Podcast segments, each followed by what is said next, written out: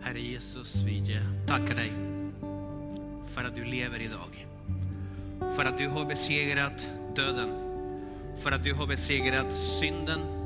För att du har besegrat världen. För att du har besegrat Satan. För att du har besegrat mörkret. Herre min Gud, vi tackar dig för att du har vunnit förlåtelse för var och en. Du har vunnit det eviga livet min Gud. Du har öppnat himlen för var och en som vill tro på dig. Herre Jesus, vi tackar dig. Vi tackar dig för din närvaro. Vi tackar dig för din kraft. Vi tackar dig för ditt ord. Vi tackar dig för din ande. Vi tackar dig min Gud för dina planer. Vi tackar dig min Gud för din seger. Vi tackar dig min Gud för att du är vår Herre. Vi tackar dig för att vi är din församling.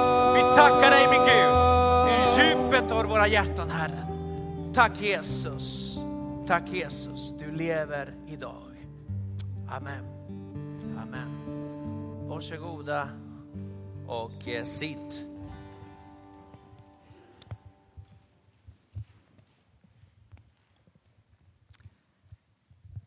I, eh, mitt namn är eh, Jorge Moreno, kallas Joje, eh, om ni inte kan säga det jag sa innan. Eh, och eh, tillsammans med min fru eh, Rosa, vi är en del utav den här församlingen. Ehm,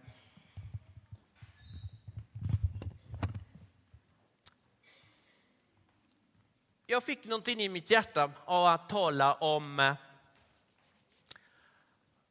vad Gud håller på. Vad är det han gör? Eh, för att någonting gör han.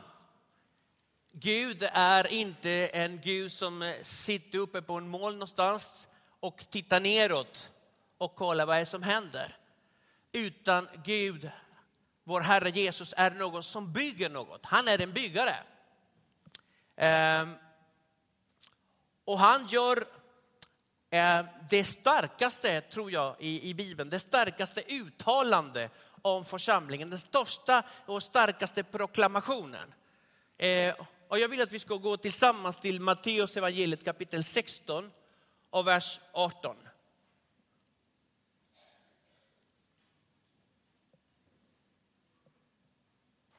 Den starkaste proklamationen, Matteus 16 och 18, är just detta. Jag säger dig, du är Petrus och på denna klippa ska jag bygga min församling och helvetets portar ska inte få makt över den. Och du säkert har hört massor med predikningar om detta. Och man kan plocka fram, ta fram olika saker ur det, olika ord och olika meningar. Men det, det ord som lyste starkast för mig, det var ordet ska. För att i ordet ska, som nämns två gånger i den här versen, kan vi se, kan vi förnimma Herrens uppsåt, Herrens intentioner, Herrens planer, Herrens vilja. Han har någonting i ögonen när han säger på denna klippa ska jag bygga min församling. Det första han gör är att han tar ansvar för byggandet. Han är den som bygger. Jag ska bygga min församling, det tillhör bara en. Församlingen tillhör inte oss. Församlingen tillhör honom. Han är ägaren. Han äger sin församling och det är han som bygger. Jag ska bygga min församling och det är ett löfte. Det spelar ingen roll hur det ser ut i världen. Det spelar ingen roll vilka problem vi möter. Han säger jag ska, punkt slut. Och sen kommer ett annat som är nästan lika bra. Och han säger, och Satans samlade styrka, helvetes portar ska inte. Så det finns en som ska bygga något, en som ska lyckas och sen finns det någon som inte ska lyckas. En som inte ska kunna stoppa detta som Gud har initierat. Herrens församling här på jorden. Om du tycker att det här är bra säger du amen. Och om du tycker att det här var fantastiskt, skrik halleluja. Ah, amen. Gud håller på med något som inte går att stoppa. Han initierade någonting. Och han som initierar alltid någon, jag vet en sak, han fullbordar alltid det något. Allt detta ryms när han säger, jag ska. Jag ska bygga min församling. Kan ni greppa det? Fantastiskt. Det han håller på med, det är att han bygger ett hus. Jesus håller på och bygger ett hus och han vet hur man gör. Han var snickare när han vandrade på jorden. Och han följer inget annat än hans pappas yrke. Och nu pratar inte jag om Josef, utan jag pratar om fadern. För att fadern har varit involverad i olika byggnadsprojekt faktiskt. Och den första jag tänker på det är arken. Det var Gud faktiskt som eh, hade planerna om hur detta skulle göras. Vi har tabernaklet, det finns olika byggnader, vi har, vi har det nya Jerusalem i himlen. Det finns olika saker som Gud faktiskt bygger. Han sitter inte och rullar tummarna där uppe i himlen. Men det som är viktigt och det som jag i början, det är att om Herren inte bygger huset, då har vi problem. Då jobbar vi förgäves. Det är Herren som måste bygga huset. Det innebär att hela församlingens arbete ligger i Jesu händer. Det är han som är byggmästaren eh, och det är han som tar ansvaret, som jag sa tidigare, för detta. För att om det, och det här var någon en gång, det var en journalist som frågade mig, apropå vem är som bestämmer i kyrkan. Och jag så här, jag hoppas att det är Jesus. För att om det inte är han som bestämmer, då har vi problem. För att det är hans verk, det är hans församling, det är han som bygger. Ansvaret ligger på honom och vi får hänga med. Om det är vi som bygger, då är detta ett människoverk. Och ett människoverk, det skiljer sig inte så mycket från en förening, från en klubb. Men om det är han som bygger, då är det här något helt annat. Det här är inte något människoverk, det här är ett gudomligt verk. Någonting som har Guds stämpel på. Mm. Det finns en, en, en vers som är intressant, första Korinthierbrevet 15 och 58. Jag tror inte jag har den på powerpointen där. Men det står så här, var därför fasta och oroliga mina älskade bröder och systrar och arbeta alltid för Herren. Eftersom ni vet att ert arbete i Herren inte är förgäves. När är vårt jobb inte förgäves? När det görs i Herren och för Herren och genom Herren för att ära Herrens namn. Då är det inte förgäves. Det står i Hebreerbrevet kapitel 3, var det, 3, 6, den första delen.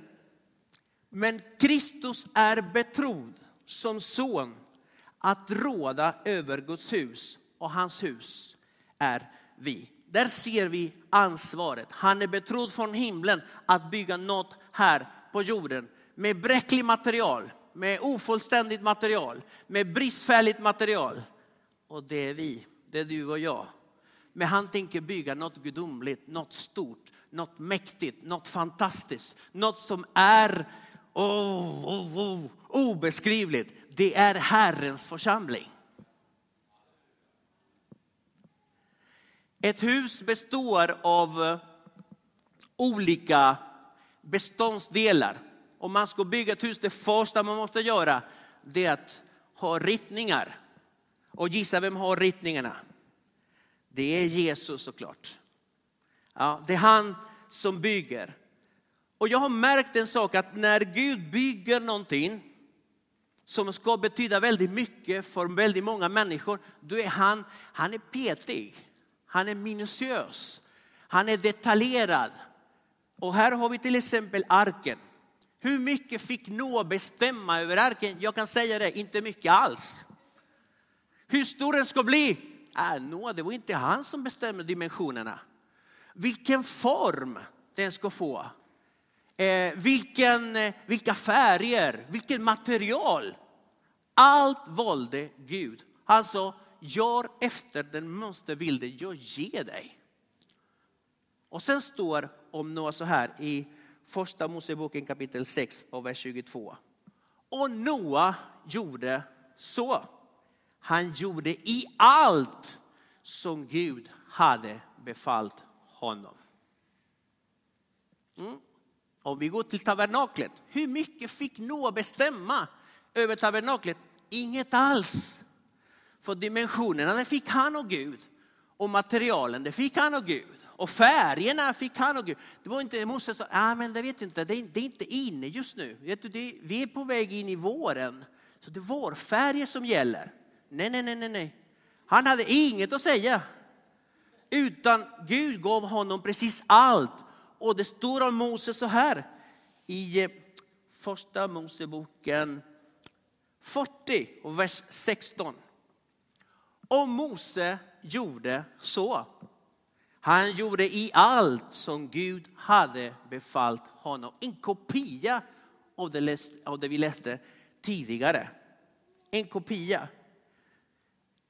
Och det här säger mig en sak, att när Herren bygger sin församling, han är petig. Han gillar inte när vi tassar för mycket på det där. Han vet vad han vill. Han vet hur det ska bli. Han vet storleken på den, dimensionerna, färgen, designen. Allt ligger här och i hans hjärta. Han vet vad han ska göra. Så han behöver inte fråga oss, vad tycker ni om designen? Ska vi göra lite mer så här eller så där? Röd kanske inte är inne längre, ska vi använda det här? Det Gud gillade för 2000 år sedan, det gillar han än idag. Och det han inte gillade för 2000 år sedan, det gillade han inte idag heller. Han vet vad han gör. Det, det är upp till oss att hänga på vad Herren gör. Det var ritningarna det. Nu går vi till grunden. Ja, steg nummer två. Grunden är den osynliga delen i huset. Om jag kommer hem till er, jag kommer inte att säga åh vilken fin grund huset har. För att grunden syns inte. Det är den osynliga delen av huset. Det är ändå grunden som bestämmer hållbarheten i huset. Dolda fel, och det här vet ni, de som kan bygga, dolda fel i grunden, det kommer att betalas dyrt. Därför är grunder grundläggande.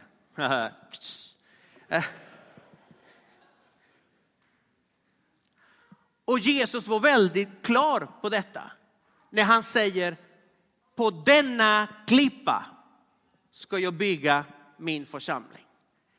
Det finns de som tror att det skulle vara på Petrus som skulle göras detta. Men om församlingen byggs på en människa, då har vi ett, ett, problem, ett problem. Ett mänskligt verk.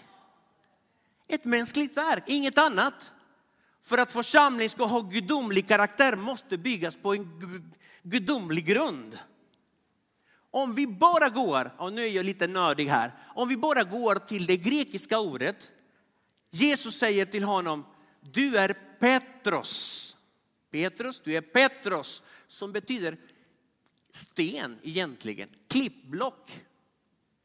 Men på denna Petra, på denna klippa, på denna Petra ska jag bygga min församling. Det betyder fundament.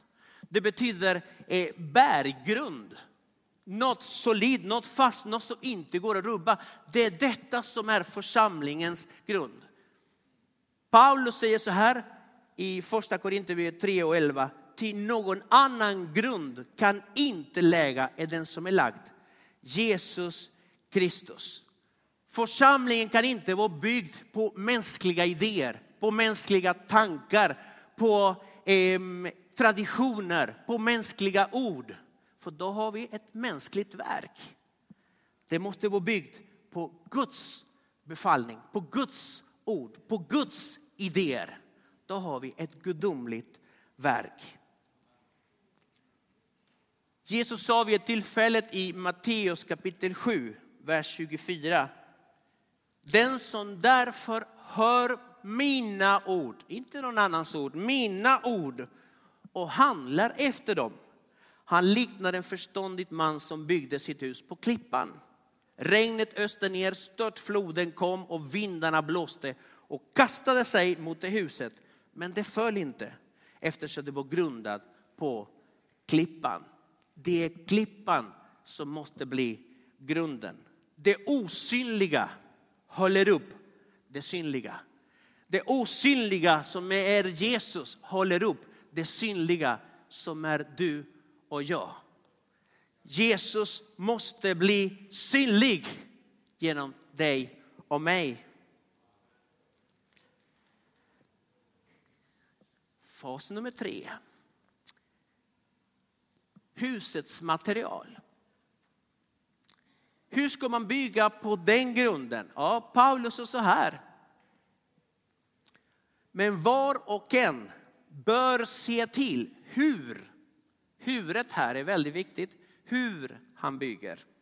Om någon bygger på den grunden med guld, silver och dyrbara stenar eller med trä, hö och halm ska det visa sig vad var och en har byggt.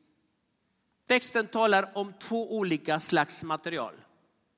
Vi har ädelmaterial, guld, silver, ädla stenar. Här har vi allt som kan brinna. Elden gör en sak med båda. Med ädelmaterial, det luttrar, det förädlas, det blir ännu bättre. Guldet, elden gör så att gulden blir av med slagget. Så det blir ännu finare. Men elden gör någonting med hö, höet, med halmet. Det gör att det försvinner. Det förtärs. Församlingen har också ett material att bygga med. Och jag tror att det är, det är gudomlig material och mänsklig material. Gudomlig material har också gudomlig karaktär. Det har evig karaktär, det finns eviga effekter, gudomliga effekter. Detta är när Gud initierar något, när han gör något. Det är så församlingen ska byggas. Sen har vi det andra. Om vi kan lita på vår egen erfarenhet, på vår egen förmåga, på vår egen duktighet, på vår egen mänsklig förmåga. Och då blir det bara mänskligt. Ska vi ha en församling som, som lever i det övernaturliga, då är med ett visst material man måste bygga med det gudomliga materialet. När vi gör det, då blir Jesus synlig. Man känner doften, man förnimmer hans närvaro. Blir Jesus synlig i oss? Den frågan ska inte svaras här i kyrkan, för här är vi alla duktiga nu. Och alla vi är präktiga. Frågan måste svaras hemma. När ingen ser oss. Kan våra barn se Jesus i oss? Kan våra föräldrar se Jesus i oss? Kan eh, vår fru, frun eller man, kan de se Jesus i oss? Blir Jesus synlig? Förnimmer han att vår grund är Herren Jesus? Det kan bara du och jag svara. Jag tänker inte skvallra. Men jag hoppas, det är min längtan, det är att i min familj de kan se Jesus i mig. Att han blir synlig genom mig. Att mina arbetskamrater kan se Jesus, förnimma något annorlunda. Det är något annorlunda i mina ögon, det är något annorlunda men i mina ord. Det är vad jag längtar efter, att mina grannar ser det. Att mina släktingar ser det, att mina vänner ser det. Att något är det med den där killen, något är det med den där tjejen, något. Vad kan det vara?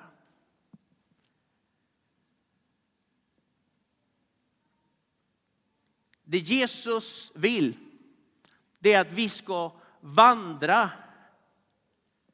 i det övernaturliga. Att det övernaturliga som finns i Gud på något sätt, det ser någon, någon annan i oss. Och Jesus själv säger så här, när den helige ande kommer över er, då ska ni få kraft och bli mina vittnen. Var någonstans först? I Jerusalem, tack, det var bra. I Jerusalem. Min fråga är, vilket är ditt Jerusalem? Ditt Jerusalem är våra familjer, våra närmaste. Där ska vi vara vittnen. Där ska de som är närmast oss måste se en förvandling. Något har hänt med oss. Jesus är i oss.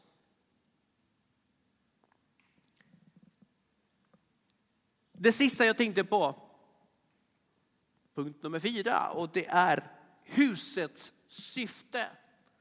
Det huset som Herren håller på att bygga har ett syfte. Och det är inte själva huset, hur fint det ska bli, utan det är ett hem. Herren håller på och bygger ett hem. Vad hjälper det att ha det finaste i huset, finaste huset i grannskapet? Om jag har ett helvete inuti. Det hjälper ingen. Det hjälper inte att interiörerna är det finaste och det mest modernaste som finns. Det hjälper inte att huset är hur dyrt som helst.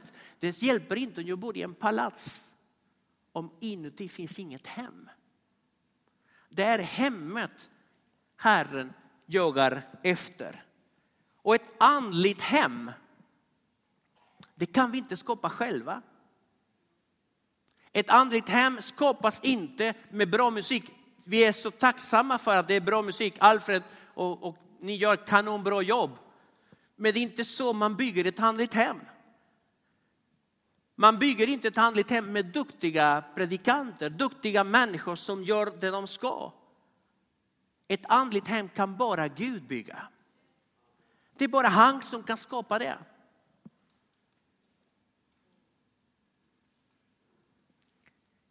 Ett, ett hem handlar aldrig om huset. Ett hem handlar alltid om relationerna vi har med varandra och med Gud. Det där det börjar.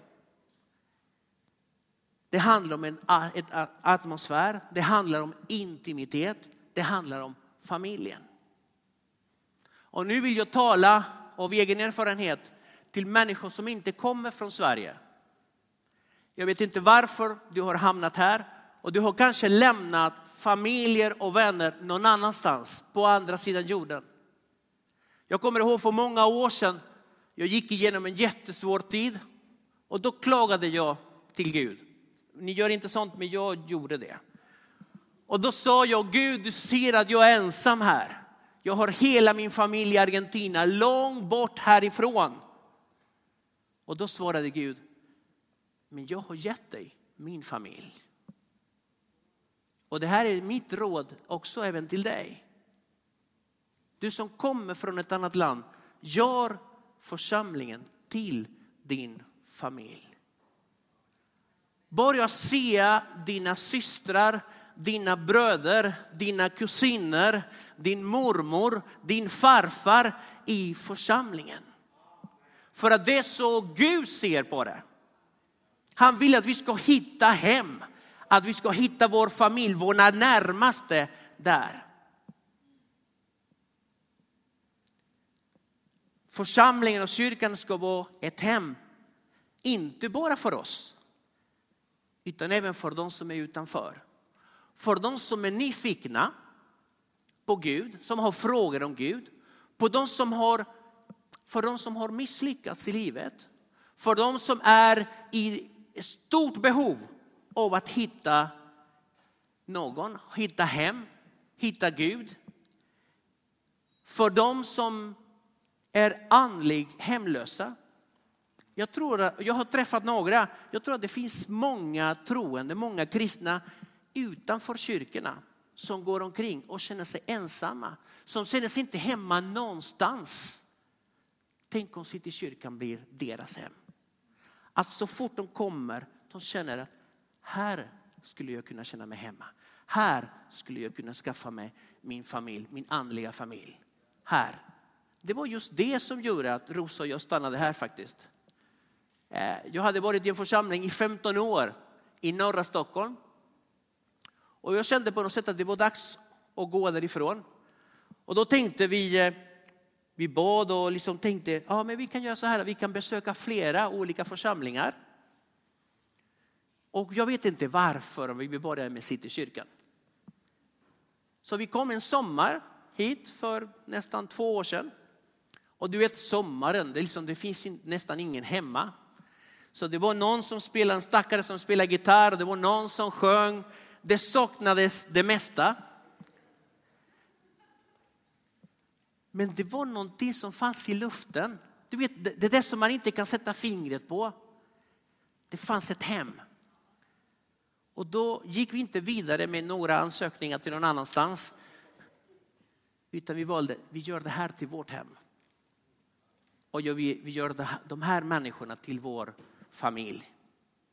Och vi trivs något så enormt i kyrkan. Vi känner oss verkligen hemma här. När vi kommer in, det är som barn, vet du när barnen går in i huset, de öppnar kylskåpet och letar efter mjölken. Det är ungefär så det är, barnen i huset. Det känns så hemma här. Och jag hoppas verkligen att vi kan vara så här mot alla. Att det räcker med att en gång du har passerat här för att bli en hemlängtan. Jag, jag vill komma hit. Jag vill vara en del utav det Herren gör på den här platsen. Det finns många människor med brustna hjärtan. Människor som är hungriga efter Gud, sökande människor, människor som är vilsna, människor som befinner sig i desperata situationer, de behöver Gud. De behöver möta Jesus. Tänk om vår församling är en sån plats, ett öppet hem för alla som söker Gud. Och när de kommer hit, jag vet inte vad det är men jag vill komma tillbaka. Församlingen ska bli, måste bli, bör bli ett hem för dig, för mig, för oss. Men också även för honom. Framförallt för honom. Att när Jesus kommer, när Herren kommer, att han känner sig hemma här. Han känner sig efterlängtad. Han känner liksom att människor hänger sig i lovsång. Gud, det är så kul att vara här och bara prisa dig. Inte, ja, ska vi sjunga den där sången igen? Men det sjöng vi förra veckan ju. Den här sången kan jag inte. Måste det bli på engelska? Ja. Eller, Gud, du är här och jag vill bara prisa dig. Tack min Gud för att tillsammans med hela din familj vi lyfter upp ditt namn. Amen. Yeah!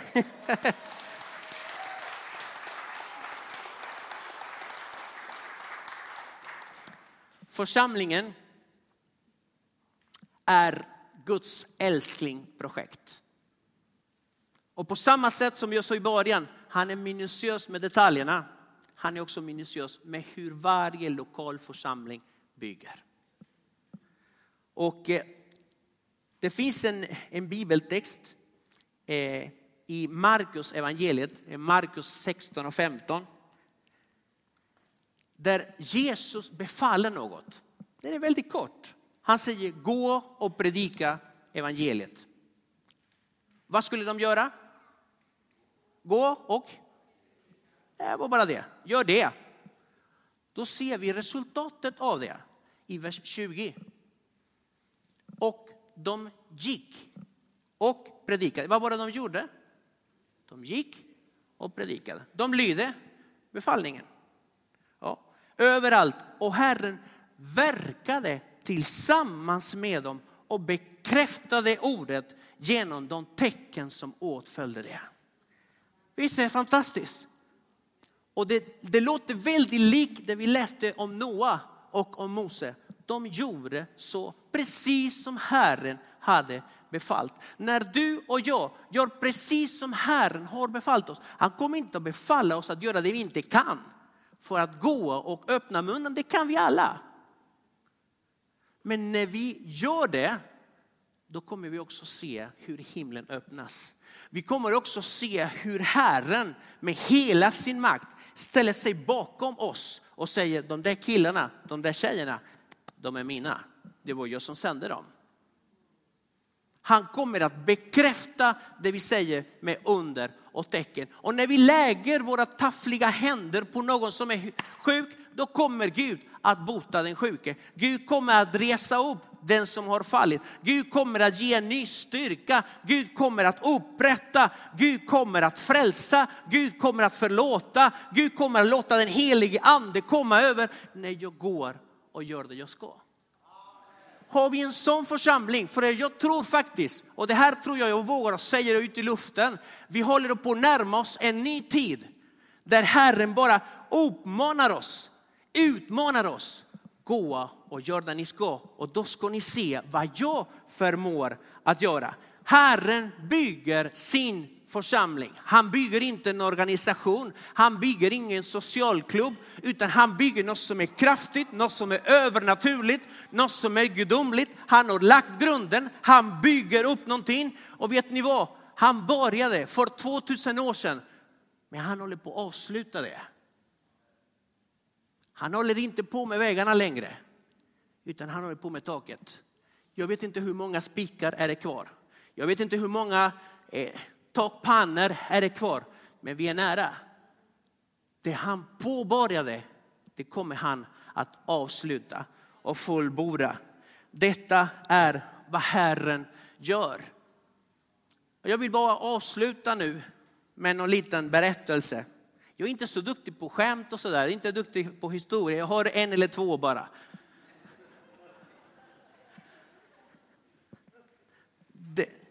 Det här hörde jag för länge sedan. Det var en mamma som såg behovet av en hylla i köket. Och då sa hon till pappan i familjen, vi behöver en hylla i köket. Nej, jag ska fixa det älskling, för det är så man gör. Ja. Eh, happy wife, happy life. Ja, då gjorde han det. då gjorde han det. Och då började han med lite brädor, spikar, skruvar, lite verktyg. Och medan han höll på, då kom sonen i huset. En treåringen. Och då säger han, pappa, jag vill vara med. Och då säger pappan, absolut, här får du lite skruvar och lite försiktig med hammaren. Du ska hjälpa mig. Och efter någon halvtimme eller något sånt där säger pojken till mamma, mamma, titta vad vi har byggt. Jag tror att när vi kommer till himlen, flera kommer att säga så här. Titta Fader, titta vad vi har byggt. Och då kommer Jesus och titta på oss, titta på Fadern och han kommer att säga, ja Fadern, titta vad vi har byggt.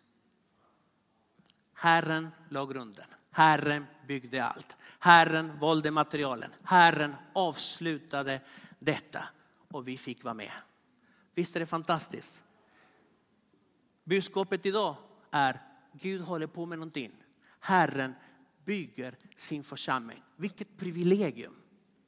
Vad du än heter, var du än kommer ifrån, vilken bakgrund du än har. Att få vara med i någonting som Gud gör idag på den här jorden.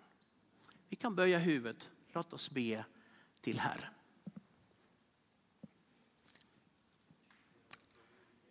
Herre Jesus, vi tackar dig för att församlingen är din idé. Vi tackar dig min Gud för att församlingen är lagt på den grunden som du la. Du är klippan, du är den eviga klippan. Du är frälsningens klippa, du är tillflyktsklippan. Du är den klippan som var lovad av profeterna. Jag tackar dig min Gud för den grunden församlingen har. Jag tackar dig min Gud för vad du gör idag. Tack min Gud för att du använder dig av vem som helst. För att din kraft ska manifesteras. För att dina under ska bli synliga, för att din närvaro ska kunna upplevas här på jorden. Tack min Gud för att församlingen är en räddningsark, är ett tabernakel. En plats med Gud där din helige ande är verksam. Jesus, vi tackar dig för att du är stor Herren. Tack min Gud för att utom dig kan vi ingenting göra. Vi är så beroende av dig. Min Gud, ännu en gång, vi lämnar oss i dina händer. Herre, vi vill inte missa det du gör idag. Vi kommer in i en ny tid, i en ny säsong. Vi vill inte missa det du gör idag. Herre Jesus, om vi är unga eller gamla, om vi är svenskar eller invandrare, om vi är män eller kvinnor, om vi är friska eller sjuka, om vi har pengar eller inte. Herre Jesus, vi vill vara med. Vi vill, vill delta, vi vill vara delaktiga i dina planer Herren. Vi lämnar oss helt och hållet i dina händer. I Jesu namn. Amen.